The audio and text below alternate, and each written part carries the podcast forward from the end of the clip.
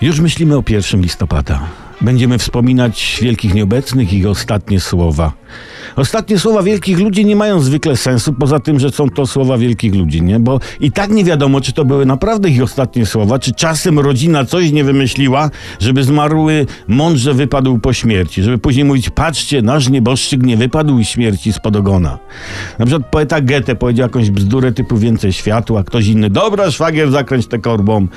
No to co, że 30 piętro, biorę rozbieg i patrzcie, jaka ta szyba jest wytrzymała. No.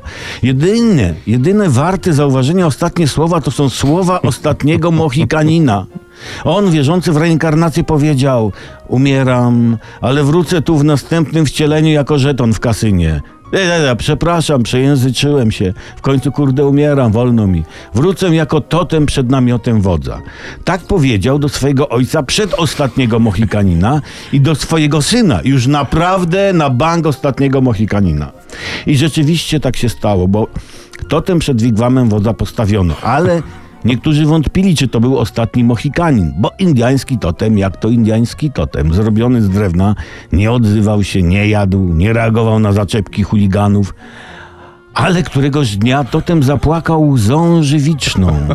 I wtedy Indianie doszli do wniosku, że to rzeczywiście kolejne wcielenie ostatniego Mohikanina.